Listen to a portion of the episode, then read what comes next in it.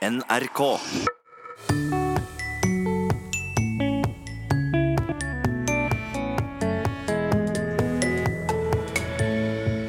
Enkemannsstøt. Å, det er vondt, det. Men hvorfor heter det det? Det smeller til, åh, og så går det fort over. Som ikke uten videre er et kompliment til enkemenn. I Bergen kaller de bortskjemte unger for breleunger. Men hva er egentlig brele? Det verbet der har mange betydninger. Norsk ordbok er det ført opp i alt seks. Blant annet og, og, og bråk, da. Og hvordan var nå dette med å forfordele? Får du mer eller mindre enn du har fortjent? Her står vi overfor et eksempel på at språkbrukeren vinner fram. Vel møtt til Språkteigen. Språkteigen i dag tar altså for seg en stor og variert bunke med lytterspørsmål. Våre språkvitere er klare, og førstemann ut er Tor Erik Gjenstad. Til sjøs pinsa vi klokka fram og tilbake ettersom vi seila øst eller vest. Men hva er opphavet til ordet, spør Knut Bakken. Ja, eh, det her er sjømannsspråk, ja. Og, og, og pinse, eh, det kan bety å flytte eller lempe på noe. Kanskje særlig noe tungt. Og så har det da gått over til å bety å stille klokka etter tidssone. Og opprinnelsen her det er engelsk 'to pinch', som betyr å, å, å klemme. Så det, det er gått inn i, i sjømannsspråket. Men fra å løfte tungt til å flytte, på klok flytte klokka att og fram? Ja, det, noe, det handler det om flytting, iallfall, på en eller annen måte. Og Flytting og justering og, og lemping på, på klokka. Og da for så vidt, så med litt velvilje så ser en jo for seg den betydningsovergangen der. Mm. Svein Ragnes skriver eldre folk på Smøla kan si jeg er i aven hva jeg skal gjøre i Da er vedkommende usikker. Men hvor kommer dette uttrykket fra, spør Svein Ragnes. Ja, ja for å ta det først, da. Det, det å være i aven, eller i aven om noe, det er nå altså Nordmøre, ja. Mange plasser på Nordmøre er det registrert. Uh, og også inne i Romsdalen. Og jeg hører du, Torunn, sa at du var i av. Ja, Ja, og det er, det er Østerdalen. Flere plasser. Elverum, Rendalen, Sollia er det registrert. Og det er altså å være i tvil.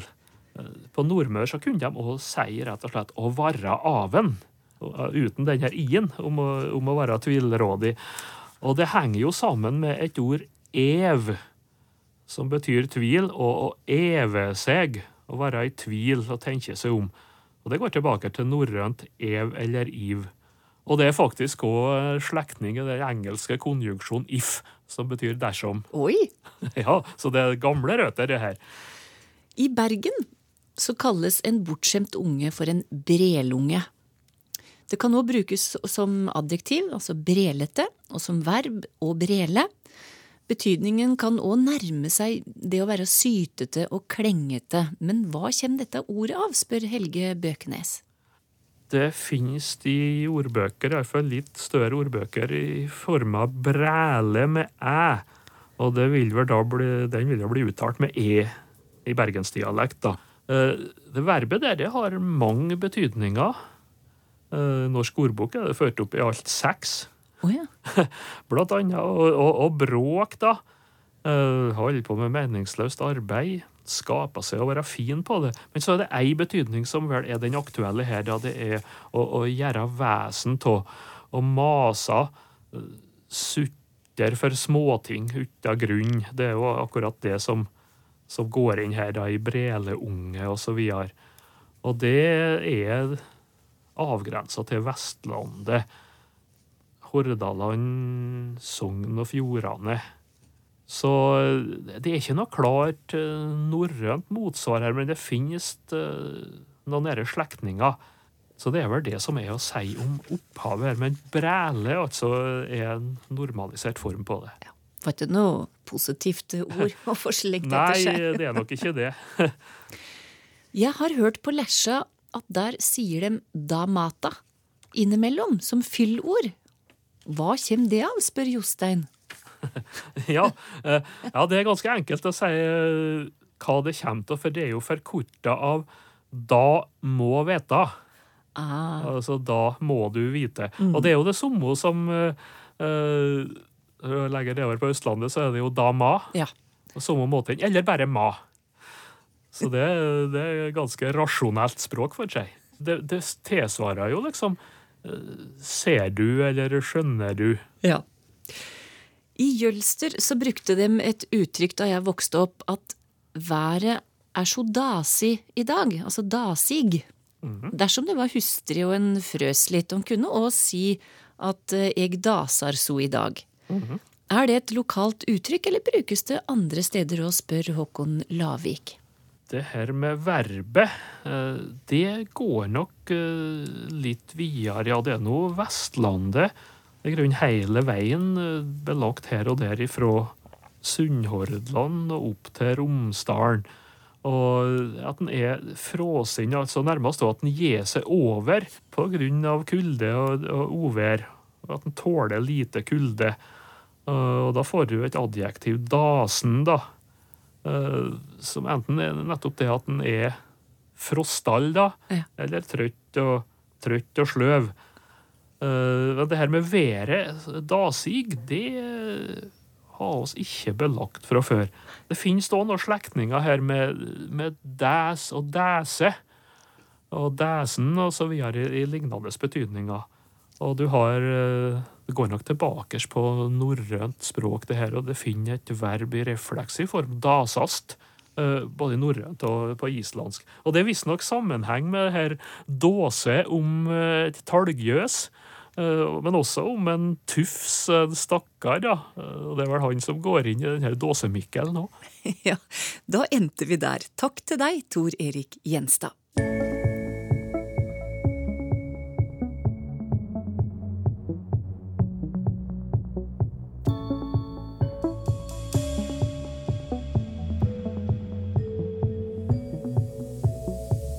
Flere lytterspørsmål, og nå til deg, Sylfest Lomheim.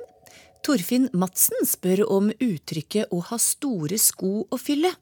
Hvorfor er det slik at folk forbinder det å være flink med å ha store sko? Ja, jo, det dreier seg kanskje om å være flink. Jeg vil iallfall si at det dreier seg om å ha ambisjoner om å fylle skoa. Du vil iallfall være flink, ha ambisjoner. For å ha store sko som du skal fylle, det betyr at eh, du skal eh, greie ei oppgave. Oppgava er stor. Og det er ikke opplagt at du greier å utføre oppgåva. Med andre ord, det er ikke opplagt at du greier å fylle de store skoa som du stiger inn i. Så det er ikke mer eh, finurlig enn det. Nei. Hvor kommer ordet enkemannsstøt fra, spør Bjørn Samdal. Ja, det kommer i alle fall ifra hverdagen til de fleste mennesker. Vi har jo fått det her i albuen, ikke sant? Mm. Og det er så vondt. Det smeller til. Åh! Og så går det fort over. Og jeg har sett at ordbøkene gir ei fin forklaring, som ikke uten videre er et kompliment til enkemenn. De som blir enkemenn etter de har mista kona si. Fordi det står at eh, dette uttrykket kjem nok av at eh, enkemannsstøt Det er veldig vondt med det samme, men så går det ganske fort over, og så kjenner du ikke noe mer, og altså Det er som sorga etter å ha mista kona si. Enkemennene de eh, har det veldig vondt, men det varer ikke så lenge, og så snur de seg rundt, kanskje, og så Ja, sånn er det. Så eh, det er såpass eh, røft og humoristisk bakgrunn for enkemannsstøt. Ordet enke, eller enke, er jo også verdt å forklare, for det kommer fra rett og slett tallet ein, eller enkelt. Altså det er snakk om noe som er aleine. Enke, Ja. eller enkje. Og dette er et av de få ordpara vi har i norsk, forresten, der det liksom hokjønnsordet som er utgangspunktet, og så må mannen legge seg på etterpå, språklig sett.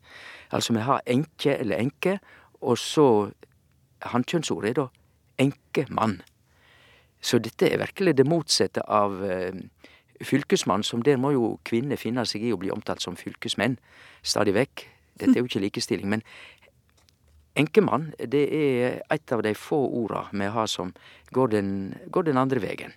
Er det tilfeldig, eller tror du? Ja, det er nok litt tilfeldig, og det er ikke mange av den type ord som har Brudgom og, og brud, det har vi det samme. Ja. Det er utgangspunktet ei bru, ikke sant? Og så får brudgommen finne seg i at eh, han blir lagt til, fordi at gom er et gammelnorsk ord for mann. Så brudgom betyr egentlig brudmann. Men eh, det er jo egentlig kona som ikke får, er så veldig flatterende for det her, da. Hun blir fort glemt. Eh, ja, jeg vil si det minst eh, flatterende for mannen at eh, han Det var veldig vondt ei kort stund, og så går det over. Det er jo han som da framstår som den kanskje ikke så djupt elskende. Enkja, hun er ærefull og eh, nok, altså. Det er ikke noe galt sagt om enkja.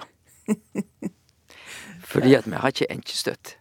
Det er ikke et, det er ikke et spor av antydning, som det heter i bokmålet, at eh, enkja er av den typen som enkemennene. Så hun er ikke brukt på den måten, nei. Det får vi menn finne oss i. Hvorfor heter det på bussen og i bilen, spør Kajsa Katarine på Twitter. Å, nydelig spørsmål. Det må jeg bare si, fordi at dette er så gøy å forklare. På bussen og i bilen, men vi kan også si i bussen. På skolen. I skolen? Ja da, det er klart det. På Stortinget? Ja, ja, ja. I Stortinget? Sjølsagt. På toget? Ja. I toget? Å jo da. I flyet? Og på flyet. Altså ei veksling mellom på og i. Og da blir spørsmålet som, som blir reist her, så fint. Hva er dette? Er det noe system? Er det noe skilnad? Svaret er ja. Og da er det to ord. Begge begynner på F for Fredrik. Det er funksjon og fysisk. Og da er det slik at når vi tenker på det rent fysiske, så er det i. I Stortinget, da er du fysisk i Stortinget. I flyet, da seter du i flyet. Når du er i toget, så seter du i toget. Men skifter du ut med på, på Stortinget, da er det ikke fysisk, bortsett fra at det er jo for så vidt det, men da er det funksjonen. Du er representant på Stortinget. Og sammenlignet med eh, på bussen, det går godt an å si, men da er det funksjon, bussen som kommunikasjons, offentlig kommunikasjonsmiddel, der, eh, som tek masse passasjerer, og du tek Ja, han, han er på bussen til Stavanger. Da er det liksom det kollektive eh, reisemiddelet som du har tatt. Men i bussen, det er det fysiske. Så kort sagt, på uttrykker funksjon. I uttrykker det rent fysiske. Jeg føler at vi har vært innom dette her før, Sylfest. Ja, me, men det er en stund siden, og da er ikke det så gale. I språket det er viktig å ta ting om igjen, altså å repetere. Ja. Og takk til deg for det, Sylfest Lomheim. Vi boltrer oss i lytterspørsmål i Språkteigen i dag, noe vi kan gjøre takket være at du som hører på, lar oss få del i din undring over språket. Spørsmål som kommer inn både via Språkteigens gruppe på Facebook, via e-postadressa teigen krøllalfa nrk.no, eller via Twitter. Det kommer flere lytterspørsmål senere i sendinga, men jeg tenkte å gjøre litt ekstra krus på døkk som bidrar, så i dag har jeg trukket ut tre spørsmål som belønnes med, ja, nettopp et krus i posten. De heldige jeg trakk ut, var Håkon Lavik, Kenneth T. Kjelsnes og Elisabeth Bakker Teiseth.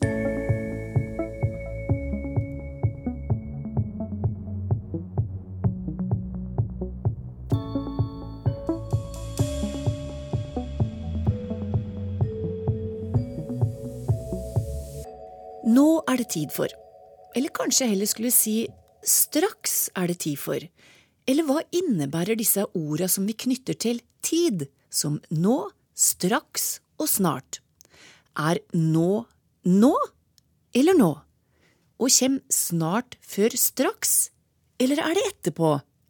Reporter Fredrik Skage Øyen undrer seg over ord om tid. Tre minutt. To minutt. Ett minutt. Nå. Skjermen som henger på busstoppet, lyver til meg. Den prøver å fortelle meg at bussen min er her nå. Nå, du, liksom. Jeg ser ingen buss.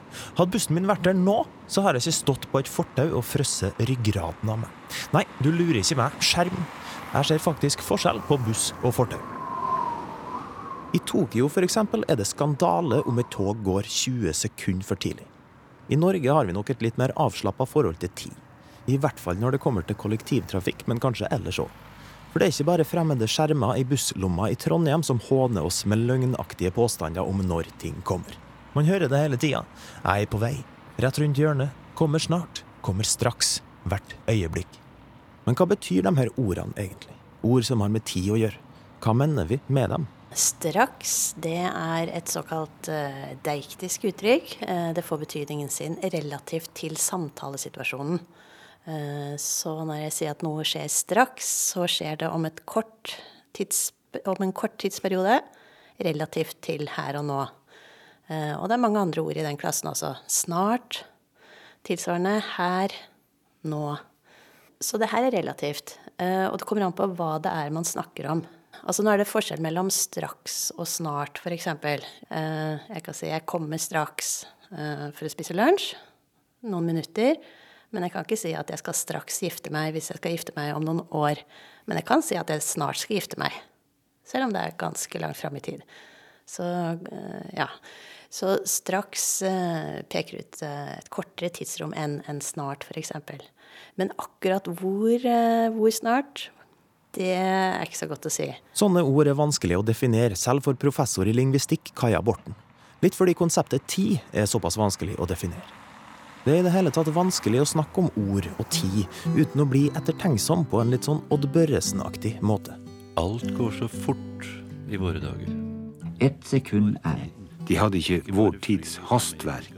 Ni milliarder. De var ikke underlagt vårt tidstyranni. 192 millioner. Vi har knapt nok tid til å snakke med hverandre. 631 000. Og gjør vi det, så gjør vi det helst ved hjelp av mobile telefoner. 770. Eller vi sender beskjeder til hverandre på faks. Ganger svingetiden for den strålingen som svarer til overgangen mellom de to hyperfinnivåene i grunntilstanden for cesiumatomet. Tiden går jo og går jo, og det er det ingen som kan uh, bekjempe. Det er den nugjeldende internasjonale definisjonen på ett sekund.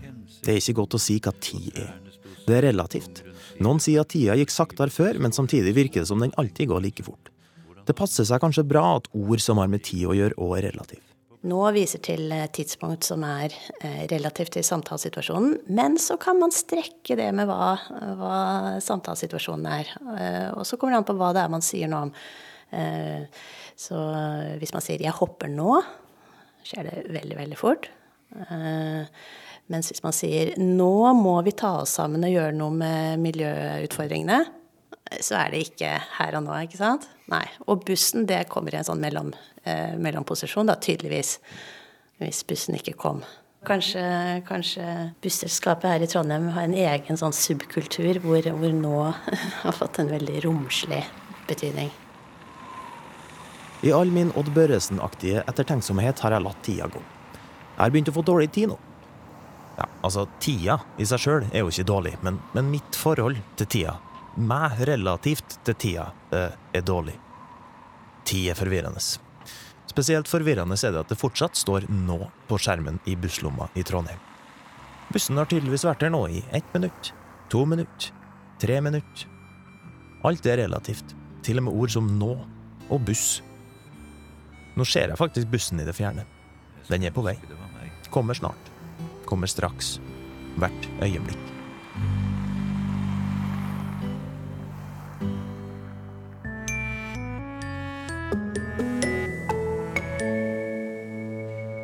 Fra undring og spørsmål om tid til flere lytterspørsmål. Nå er det Toril Oppsal som svarer, og første spørsmål kommer fra Anni Bjørgengen. Hvorfor bruker vi tradisjonelt sett ikke betegnelsen landsby om steder i Norge, men bare om andre lands småsteder, som i Europa f.eks., spør hun. Ja, dette her er jo et ord som vi bruker nettopp om utenlandske forhold. Og hvis jeg nå lukker øya og ser for meg en landsby, så er jo det en samling av hus. Og så har de eh, en del felles jord omkring. Det er dyrka mark, gjerne med teigblanding, som de da har felles. Og så er det en sånn eh, skog eller noe som ligger omkring. Og så ser jeg for meg Norge, og så ser jeg noe litt annet. Altså, En av årsakene til at ikke vi bruker landsby på den måten, er nok rett og slett knytta til måten å drive jord og land på. Og at vi rett og slett har mer grisgrendte strøk, avsidesliggende gårder, større gårder, og ikke så mye teigblanding og en del måter å organisere arbeid på som gjør at dette ikke er en ja, kanskje en, naturlig måte å samles på, som man kan gjøre andre steder. Og så har vi jo andre ord eh, som kan eh, brukes om noe tilsvarende. For vi har jo noe som minner om landsbyer i Norge også, kanskje særlig innenfor jordbrukssamfunn på Sør-Vestlandet. Så, så ser vi noen tundannelser av denne typen. Men eh, en landsby har jo også en sentrumsfunksjon. Eh, Og i Norge er det bygda og senteret det, det, det er kanskje andre næringsveier enn selve landbruket man assosierer med det. Mm. Og vi har grend, Ja. som er en litt annen eh, samling av hus. Så dette handler nok både om at vi har andre ord, og at vi har andre måter å organisere oss på. Så vi bruker heller ordet bygd og Ja, gren. ja. Og senter. Og bygdesenter. Men jeg har sett en uh, utvikling at eh, en del eh, kommunesenter, eller bygdesenter som du sier, som syns det er litt for svært å kalle seg for by. Mhm. For det er blitt så populært å bli by i Norge nå. De kaller seg for landsby. Det gjør de, eh, men kanskje ikke så mye på folkemunne. Nei. Nei, men, men det, vi får følge med. Kanskje dette her blir en utvikling hvor landsbyen også kommer inn som en naturlig term å bruke om norske forhold. Men den prototypiske husklynga med felles mark omkring, den skal vi nok vente lenge på. Den tid er nok forbi, på sett og vis. Men ville det være feil da, hvis landsby ble tatt mye i bruk i Norge? Nei. For du mener at det ikke passer med den? Nei, eh, altså der vil den jo da bli tillagt et delvis nytt innhold, som også virker å være dekkende for det man ønsker å uttrykke. Nettopp det å skape en kontrast til noe som er urbant, og heller løfte fram en lokal identitet som er noe annet enn byen. Kenneth T. Kjelsnes spør om et ord vi har hørt om mange ganger, og som man lurer på om brukes feil. Og han snakker om ordet forfordele. Hva skal vi si om det ordet, Toril? Vi kan si at dette er jo han nær sagt en klassiker til glede for nye lyttere også, men, men her, her står vi overfor et eksempel på at språkbrukeren vinner fram. Fordi nå er det helt greit å bruke forfordele på to vidt forskjellige måter Ja. dersom vi slår opp i håndordbøkene våre. Eh, Det ene er det opprinnelige, der man gir en mindre enn en har rett på ved fordeling. Og den andre bruken, som har blitt mer og mer vanlig, det er at man gir noen mer enn det en har eh, krav på. Eh, Og begge disse betydningene står tydelig definert, så ingen bør føle seg forfordelt, får jeg vel si, eh, av de som hevder det ene og det andre. Men, men vi, vi har et problem her nå, og det er at dette betyr to vidt forskjellige ting. Så her må vi hele tiden være våkne og se sammenhengen dette ordet brukes i, for å forstå hvilken betydning det er som er aktuell der og da. Du sier at uh, feilbruken har vunnet fram. Ja.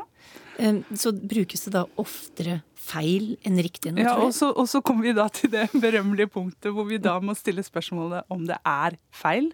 Ja. Eh, og mye tyder på at det ikke lenger er det, Nei. eh, hvis vi skal ta denne normeringen på alvor.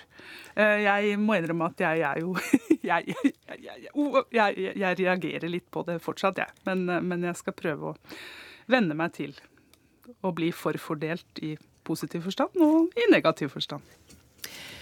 Jeg jobber som norsklærer ved Kristiansund voksenopplæring, og nå strever jeg litt med å forklare grammatisk hva S i ord som fireroms, ettroms, tremanns osv. heter. Har dere noen gode forslag å komme med, for normalt deles vel orda opp som i en toroms leilighet, men noen ganger så kan vi eksempel si et firemannsorkester. Hører gjerne fra dere, Elisabeth Bakker Teiseth. Ja, jeg kan eh, prøve meg. Jeg veit ikke om jeg har, eh, har, det endelige svaret her, men her kan vi jo tenke litt sammen.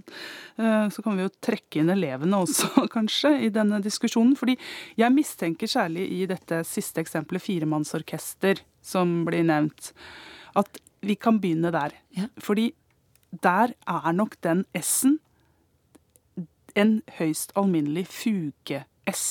Det er den S-en som kommer inn når vi setter sammen ord. Og den første delen av ordet, det første leddet, ofte har mer enn én stavelse. Så der har vi fire mann, orkester, fire manns orkester. det samme kjennetegner jo også disse leilighetstypene. Du har to rom, leilighet, toromsleilighet. At dette her i utgangspunktet er en fuge-S. Men så har vi da en forkorta variant. En toroms. Ja. Eh, og her kan det ordet bli stående fordi det ligner igjen i analogi med andre ord på en genitivskonstruksjon. Mm. Eh, så jeg mistenker at det rett og slett er en eh, vanlig S som S-fuge som blir opprettholdt i analogi med andre typer eiendomskonstruksjoner. Ja, Hvordan skal vi forklare dette ja, for uh... At vi har, um, vi har limet, fugen, S-en, og så forvitrer limet lite grann, så den andre delen av ordet faller bort. Og så står den igjen. Ja. Så blir S-ene stående igjen? Ja. ja. Så kan vi jo se på andre sammensatte ord også. For det er jo spennende å se nettopp hvordan vi danner ord på norsk. Mm. Og vi kan også leke oss med å sette sammen ord. Og er det noen ord som ikke trenger den S-en? Ja, det er det nok. Eh, hvis du har et kort eller en enstavelsesvariant foran som det første leddet. Radio, for eksempel. Ja. Program der er det ikke noen S. Nei. Nei. Så, så, her kan vi jo leke oss. Og i noen eh, dialektområder i Norge så finner vi enda flere S-er enn det jeg er vant til. Eh, jeg husker eh, blant annet å ha hørt stearinslys noen steder. Og det kan vi også bruke som utgangspunkt og se på hvordan det norske språket også varierer. Så her har man mat for veldig mange og lange samtaler, tror jeg. Så en helt sånn klar regel finner vi til her? Nei, men vi kan komme ganske langt med denne, med denne eh, stavelsesregelen vår på hvor mange stavelser forleddet har. Men den funker ikke alltid, den heller. Så Men det er jo det som er så utrolig artig. Det er jo når du da blir satt i en situasjon der du skal forklare norsk mm. til en som er i ferd med å lære seg norsk, så lærer du utrolig mye om ditt eget språk. Så det er verdt å merke seg. Noen visdomsord til slutt der fra Toril Oppsal. Og det blir det siste det fra Språkteigen i dag. Vi høres om ei uke. Ha det bra.